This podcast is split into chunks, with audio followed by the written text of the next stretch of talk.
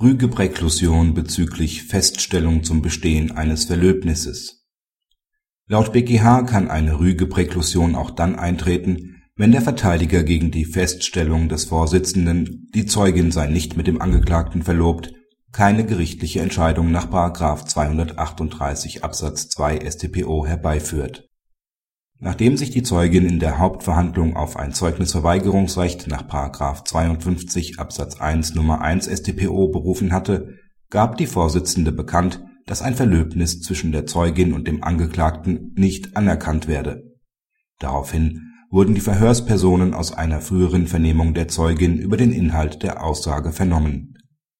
Die Revision machte geltend dass der Zeugin ein Zeugnisverweigerungsrecht nach § 52 Absatz 1 Nr. 1 StPO zugestanden habe.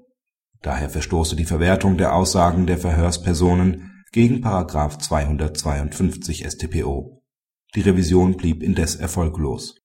Nach Auffassung des BgH musste die Verfahrensrüge schon daran scheitern, dass der Revisionsführer gegen die Feststellung der Vorsitzenden, dass kein Verlöbnis bestanden habe keine gerichtliche Entscheidung nach § 238 Absatz 2 StPO herbeigeführt hatte.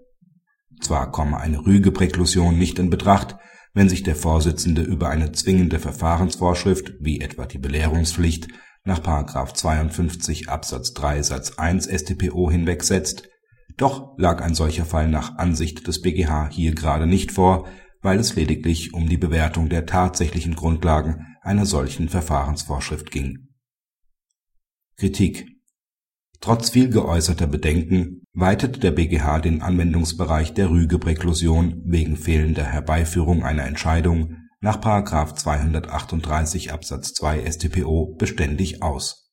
Verteidigern kann nur angeraten werden, lieber einmal zu oft als einmal zu wenig eine Entscheidung über Maßnahmen des Vorsitzenden herbeizuführen